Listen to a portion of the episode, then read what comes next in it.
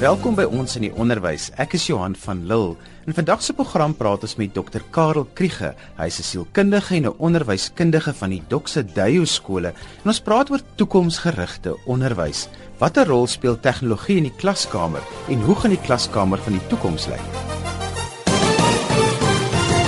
Karel, vertel bietjie vir ons, wat is die verskywings in die samelewing en veral ook die groot veranderinge wat aan die gebeur is? Uh, weet jy Johan, dit is baie belangrik om hierna te kyk uh, en ek dink 'n goeie vergelyking is as 'n mediese dokter byvoorbeeld in die jaar 1900 uh, geopereer het, dan het daai operasieteater op 'n sekere manier gefunksioneer. Maar daai dokter vandag sou teruggaan in 'n operasieteater, sou hy dit glad nie herken het nie, want dit lyk totaal anders. Die dilemma is dat as 'n onderwyser in 1900 onderrig gegee het En daarna wys as jy vandag in 'n klaskamer instap, is die kans baie goed dat dit presies dieselfde gaan bly. En die vraag is, bly ons onderwys by met die verskywings wat plaasvind in die samelewing om ons? Nou kom ons dink net so 'n bietjie aan wat het net in die laaste paar jaar in tegnologie gebeur. Ons weet van selfone en van die verskillende platforms waarmee ons mense met mekaar kommunikeer. Maar ons gaan in 'n fase in waar 'n mens in 'n motor kan klim en jou destinasie insleutel en dan voertuig kan jou vat so intoe sonder dat jy jouself die voertuig bestuur. Ons kinders al klaar kry brille wat hulle opsit en wanneer hulle die bril opsit, kan hulle heeltemal in 'n ander wêreld wees as dit wat om hulle verskyn vandag. Uh, so die tegnologie het ons heeltemal in 'n ander wêreld ingeneem waar ons 24 ure 'n dag met iemand in kontak kan wees wat duisende kilometers van ons af sit. Nou net dit vra alreeds dat hierdie tegnologie deel van ons opleiding sal wees want hoe gaan ek my kind voorberei vir 'n wêreld wat hy oor 10 of 20 jaar moet betree wat heel anders gelyk is die wêreld wat ek aan gewoond is as onderwyser. Ons sien in die samelewing hoe die um, samestelling van omgewings en samelewings, die demografie totaal anders lyk as 'n paar jaar gelede. 'n Kultuur is nie meer dis vreeslik moeilik om by 'n unieke kultuur byvoorbeeld uit te, uh, te bly. Omdat ons beweeg na globale kultuur toe waar waardes ons bymekaar hou en nie noodwendig meer taal en kultuur gebruik nie. Alhoewel ons dit so sou wou hê is daar 'n realiteit waarna ons moet kyk. En dan werk ons met 'n generasie kinders vandag wat totaal anders dink as wat ons as hulle onderwysers byvoorbeeld na dink en hierdie veranderinge gaan verseker al 'n groter rol speel in hoe ons onderwysomgewing moet lyk. Karel, wat baie belangrik is, is is dat ons kinders is nie meer geïsoleerd nie. Tegnologie het gemaak dat hulle eintlik nou uh, wêreldburgers geraak het al is hulle selfs op 'n klein dorpie. Dis heeltemal reg. On, ons vind dat dit so 'n bietjie kontak met sendingorganisasies dat kinders in 'n klein uh, dorpie kan sit in 'n klein gemeenskapie hoog op in Afrika en presies dieselfde onderwys kry as hulle maat wat in Suid-Afrika in 'n goeie skool is want die die wêreld het net so klein geword dat dit vir ons moontlik is. So ons werk met 'n nuwe generasie kind wat 24 ure 'n dag met mekaar in kontak is. En weet jy wat is die dilemma dat ons kinders sit baie keer saam met hulle ouers om 'n eetkamertafel maar hy is nie ingeskakel in die geselskap om die eetkamertafel nie want hy's met twee drie ander gesprekke op WhatsApp besig op sy skoot onder die tafel en die ouer weet dit nie eers nie jy weet. Nou onderwysers is eintlik deesdae half angsbevange want die wêreld om hulle verander so en baie van hulle gaan nou weer terug na die ou metodes want hulle sê dis eintlik al wat werk maar die kinders se bedrading verander so vinnig dat ek wonder of daar nie nou op die oomblik amper twee kanale is wat uitmekaar uitloop en wat nie saamstap nie Weet jy, ek kom agter dat baie van die metodes wat ons gebruik het om te dissiplineer en om te onderrig van 'n paar jaar gelede het net totaal afgestomp geraak. Dis asof ons kinders uitsny wanneer jy met daai metodes probeer werk. So dis geweldig belangrik dat ons wat met kinders werk elke dag seker sal maak dat ons weet hoe lyk sy wêreld en moet weet wat gaan van hom verwag word oor 'n paar jaar en dis die moeilike ding want ons weet nie eens hoe dit gaan lyk nie. Nou moet ons ons kinders daarvoor voorberei. Maar ek wil nie graag hê dat my kind eendag wanneer ek nie meer daar is nie moet sê ek wens die skool het hierdie of hierdie vir my geleer. Karma wat baie onderwysers vir jou sê is en dit is ervare onderwysers, dis ou hande, dis hande wat weet wat hulle doen en sê hulle tegnologie laat hulle baie keer irrelevant voel in hulle eie klaskamer. Die ironie daarvan is dat ons kinders meer onderwysers nodig het as ooit tevore en ons kinders sê dit maar hulle wil dit op 'n ander manier hê. As ons so 'n bietjie kyk na ons generasie kinders wat tans uh, op skool is, weet jy die die belangrikste boodskappe wat hulle deur hulle hele lewe nog gehoor het tot vandag toe is jy is baie spesiaal. Jy is eintlik baie slim. Jy weet, uh, ons advertensies sê dit, ons kinders glo dit. Hulle hulle hoor dit oor die radio elke dag, hulle sien dit in hul advertensies. So daai boodskap het, het hulle lewe begin bestuur. Ek is spesiaal, jy moet 'n plan maak met my want ek is besonder. Die verdere boodskap wat hulle al hoe meer gehoor het en dit 'n deel van hulle lewe geword is, ek moet deel van die groep wees. Ek moet inklusief dink. Ek mag niemand agterlos nie.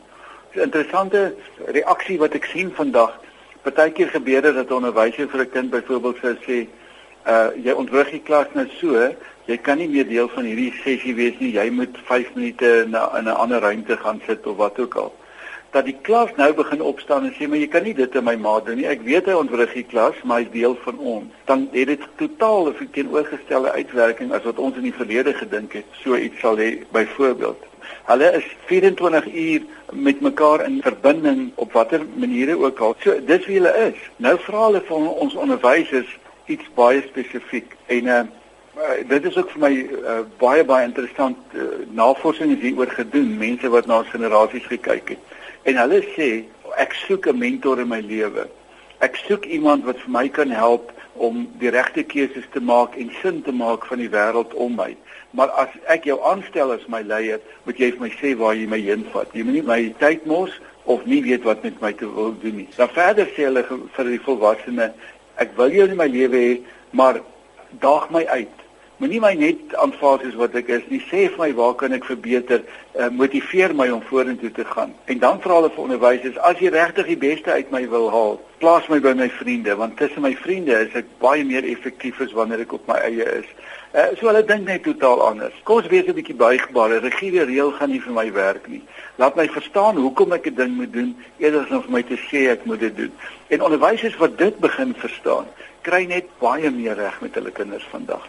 Karel, maar een van die groot verskywings in ons samelewing wêreldwyd is nie net in Suid-Afrika nie en ek een van die groot veranderinge wat ek dink onderwys en opleiding nou vir altyd gaan verander, maar ek weet nie of ons heeltemal voorberei is daarop nie, is die feit dat inligting is nie meer iets waarna toe ek gaan nie, dit is by my en ek dink dit het so impak op hoe kinders dink, redeneer en hulle hoe hulle met inligting werk, maar ons is nog steeds besig met die ou tradisionele metodes. So hoe moet ons in 'n toekomsgerigte omgewing hieroor dink? Weet jy, dis 'n wêreldwye tendens wat ons eintlik soos 'n golf tref vandag, maar dis 'n opwindende ding wat sê 'n onderwyser kan nie meer net kennis wil oordra nie, want hy is nie meer die draer van kennis nie. Die dag toe hy klaar gestudeer het, het ongeveer 50% van dit wat hy geleer het reeds verouderd geraak.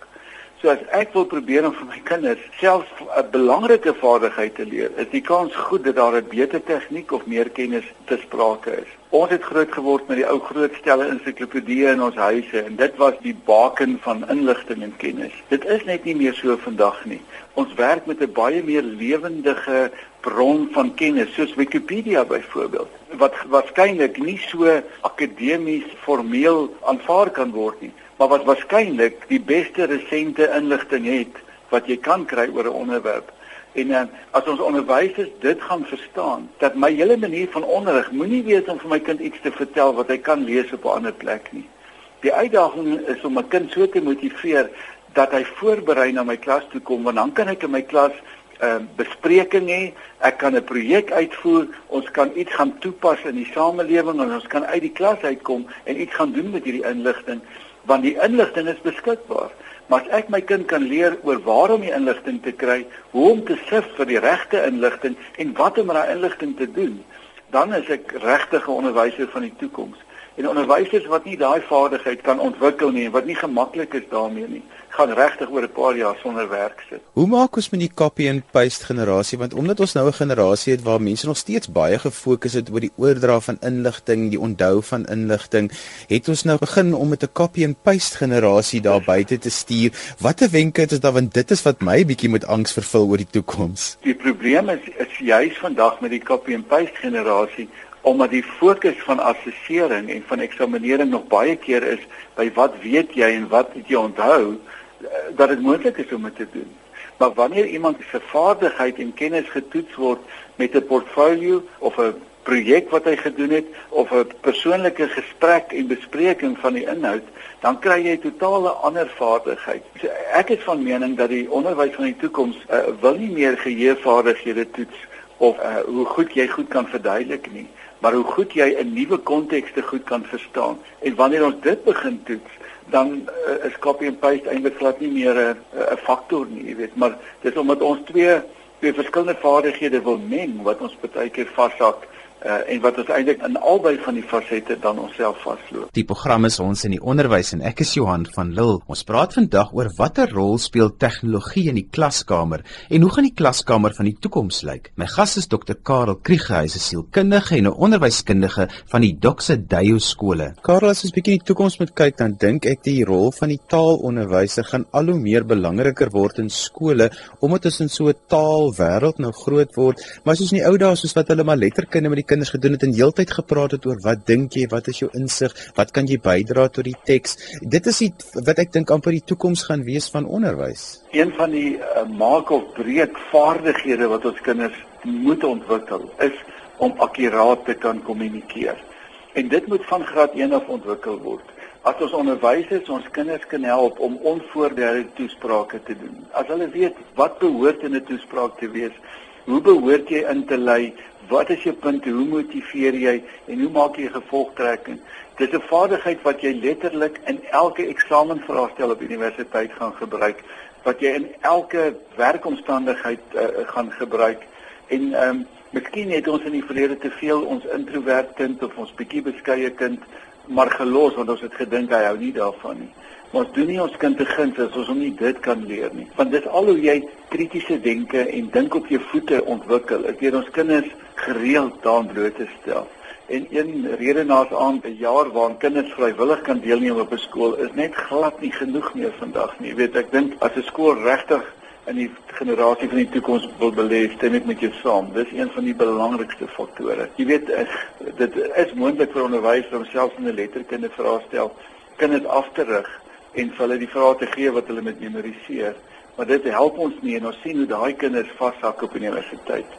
As ons ons kinders se kritiese denke kan kan ontwikkel, dan help ons hulle regtig vir die toekoms. Karel, kom ons praat 'n bietjie oor die kinders wat vandag op skool is en wat nou die skool verlaat. Hoe dink hulle wat is die kenmerke van hierdie generasie? Johan, ons werk hier met 'n klompie kinders wat as hulle ingaan in die, in hierdie uh, wêreld in, dan uh, is hulle eintlik reeds redelik gewoond aan struktuur want ons kinders vandag word deur hulle ouers geweldig gedruk om soveel as moontlik goed so goed as moontlik in te presteer. So hierdie kinders van ons het 'n gemaklikheid met 'n vol program en 'n besige program. Hulle is multikultureel. Hulle sien glad nie kleure of selfs tale raak nie. Hulle verstaan uh, globalisering net baie beter. So hy gaan in 'n in 'n werkomgewing in en hy mag self sê, hoorie maar ek wil nie ek wil nie vir een baas werk nie. Ek het 'n gawe wat ek wil aanbied en hoe gaan jy vir my kan help om self te ontwikkel? Want ons leef in 'n in 'n wêreld waar uh, ons kinders vandag baie meer um, gefokus is op die gemeenskap. Hulle wil vrywillige werk doen, hulle wil opheffingswerk doen. Ons sien hoe al die meer skoolkinders aanmeld om te sê um, Wat kan ek doen? Help my om 'n verskil te maak. So ons ons werk hier met 'n generasie kind wat tegnologie 'n deel van sy lewe. Hy verstaan hoe om meer as een ding gelyk te doen. Hy het 'n paar gesprekke gelyk aan die gang. Ek het gesels nou die dag met 'n pappa, hy hy ry met sy 12-jarige kinders op pad graad 7 afskeid toe en daar's drie meisies in die kar en hy hoor dit doodstil in die kar en hy dink maar dit is verskriklik vreemd want vir sewe meisies moet ons opgewonde wees vir die funksie. Net om agter te kom hulle is al drie van hulle op hulle selfone in 'n groep gesprek besig met van hulle maats wat nie saam met hulle in die kar is nie want hulle voel hulle wil daai maats nie uitsluit nie. So dit is die generasie waarmee ons werk wat aan die een kant baie individualisties is en programme wil hê en situasies wat hulle pas maar aan die ander kant eintlik baie afhanklik is van hulle vriende om hulle. Om so 'n persoon te kry om 'n studierigting te kies of 'n beroep, dan dink hy nie soos ons lineêr nie. Hy dink nie waar is die beste graad vir my en waar is die beste werkgewer vir my nie. Hy vra by watter universiteit kan ek hierdie vak die beste kry? Waar kan ek daai opleiding die beste kry? Hoe kan ek my eie pakket saamstel en watter werkgewer gaan dit wat ek vir hom kan bied die beste kan waardeer? En uh, dis mense wat aanvaar. Ek gaan nie my lewe lank by een plek werk nie, want ek het 'n begawe wat ek wil ontwikkel in myself. Dis mense wat totaal anders dink as ons tradisionele denkwyse tot nou toe. Wat vra die toekoms waarvoor ons kinders moet voorberei? Hoe lyk daardie toekoms as jy net jou kristalbal moet uithaal en sê dis waarheen ons werk? Daar's twee goed wat ek vir jou wil sê hier uit jong mense wat die skool verlaat. Hulle moet hulle eie toekoms beplan. Hulle moet hulle eie wedstrydplan vir hulle eie lewe hê en hulle moet weet waarheen hulle wil gaan. Uh, die wêreld kan nie meer uh, mense dra wat nie vir hulle self kan dink en self kan beplan nie. Die wêreld vra dat ons 'n uh, al hoe beter begrip van globalisering sal hê. Dat ons moet verstaan elke stelsel is afhanklik van mekaar en ons het 'n rol wat ons met mekaar speel uh, en 'n invloed op mekaar al is ons duisende kilometers van mekaar af. Ons studente moet inligting geletterd wees. En daarmee bedoel ek dis maklik om inligting te versamel, maar hulle moet 'n uh, uh, sintuig ontwikkel vir onderskeid wat is goeie inligting en wat is nie goeie inligting nie. Hoe om dit te organiseer en hoe om dit te evalueer. Weet jy 'n belangrike vaardigheid vir die toekoms en al hoe groter is dat ons mense gaan moet leer hoe om in 'n span saam te werk en wat is sy rol binne daai span? Al hoe meer vervra die wêreld.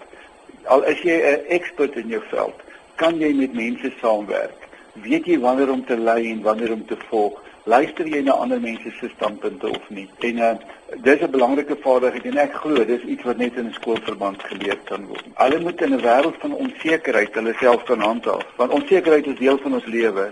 Dinge verander net te vinnig. En mense wat dit nie met opwinding kan raak sien nie, maar wat geïntimideerd word deur verandering, gaan dit moeilik vind in die toekoms. Dan is dit belangrik dat eh, soos ek nou net gesê het, dat 'n jong mens wat die wêreld van werk betree, moet verstaan dat hy met sy eie stel bates opbou, sy eie persoonlike bates. En uh, hy moet dit ontwikkel want dit is wat vir hom werk gaan verseker wanneer mense met dieselfde kwalifikasies aansoek doen om 'n pos. Dan gaan dit oor wat het hy van hy goed is en hy moet dit kan verstaan. Sy moet homself baie goed ken. Hy moet altyd antisiperend kan dink. Ehm uh, ek moet altyd dit wat ek nou om my sien gebeur kan begin bedink. Watter effek gaan dit hê oor 'n jaar of oor 2 jaar? En jong mense wat dit reg kry wat 'n bietjie strategies toekomsgerig kan dink oor hulle eie lewe maar ook die projek waarmee hulle besig is, het net 'n baie beter moontlikheid tot sukses. Studente wat in hulle persoonlike verhoudings verstaan hoe om altyd 'n wen-wen situasie te kry en nie 'n wen-verloor nie. Dis mense wat presies weet hoe om konflikte hanteer. Want ek gaan nie in 'n konflik in om te wen nie.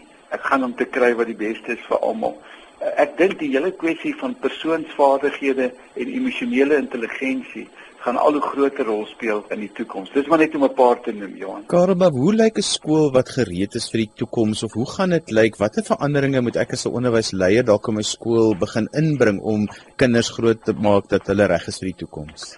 Weet jy, ek het eendag so 'n artikeltjie raak gesien waar hierdie ou so tong in die kies, maar dit is nie so baie tong in die kies nie.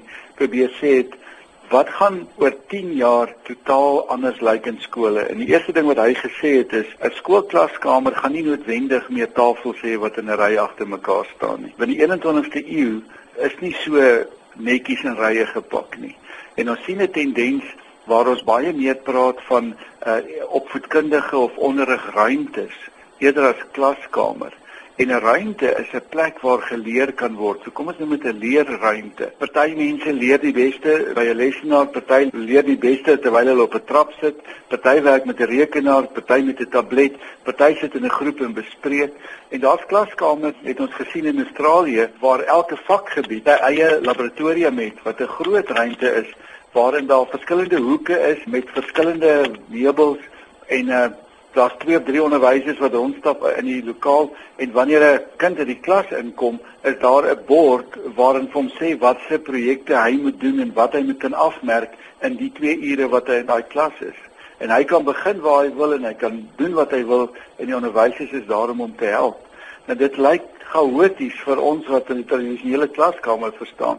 Maar dit is verseker een van die goed waarna ons moet kyk. Ons kinders moet aktief deelneem aan hulle leerproses en die manier waarop ons ons klaskamers pak sê baie keer wat wil ek van hulle hê? Wil ek van hulle klomp papegaaie maak of wil ek hulle laat deelneem in die onderrigproses? Ek dink iets soos tallaboratoriums as sulk gaan verdwyn want jy hoef nie meer 'n taal in 'n laboratorium te leer nie. Jy kan jou program koop en jy kan dit op jou eie tyd doen saam met jou vriende. As ons dink om 'n rekenaar vir jou kind te gee dat jy vir hom iets gegee het wat hom gaan help, maak jy 'n totale fout. As daai rekenaar nie internet gekoppel is nie, dan help dit eintlik vandag glad nie.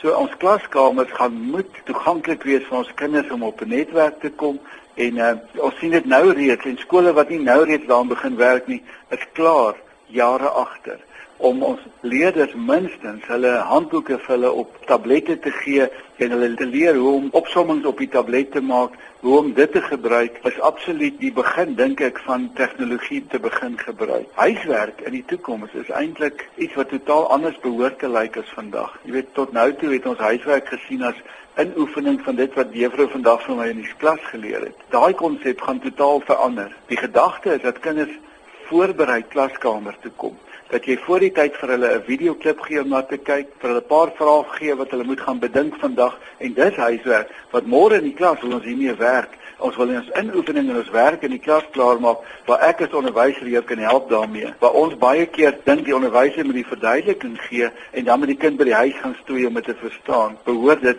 en al hoe meer gebeur dit anderster om te werk. Ek dink die spanning tussen gestandaardiseerde toetsse en die opstel van portefeuilles wat regtig wys waartoe 'n kind staat is, gaan al hoe groter word. Waar aan die een kant ons wil seker maak dat standaarde hoog is, maar aan die ander kant voel 'n gestandaardiseerde toets sê dit nie altyd vir ons nie. Ek dink daai gesprekke gaan ons nog baie hoor in die toekoms. Ek dink ons moet verstaan dat boeke al hoe minder in 'n harde omslag gekry gaan word.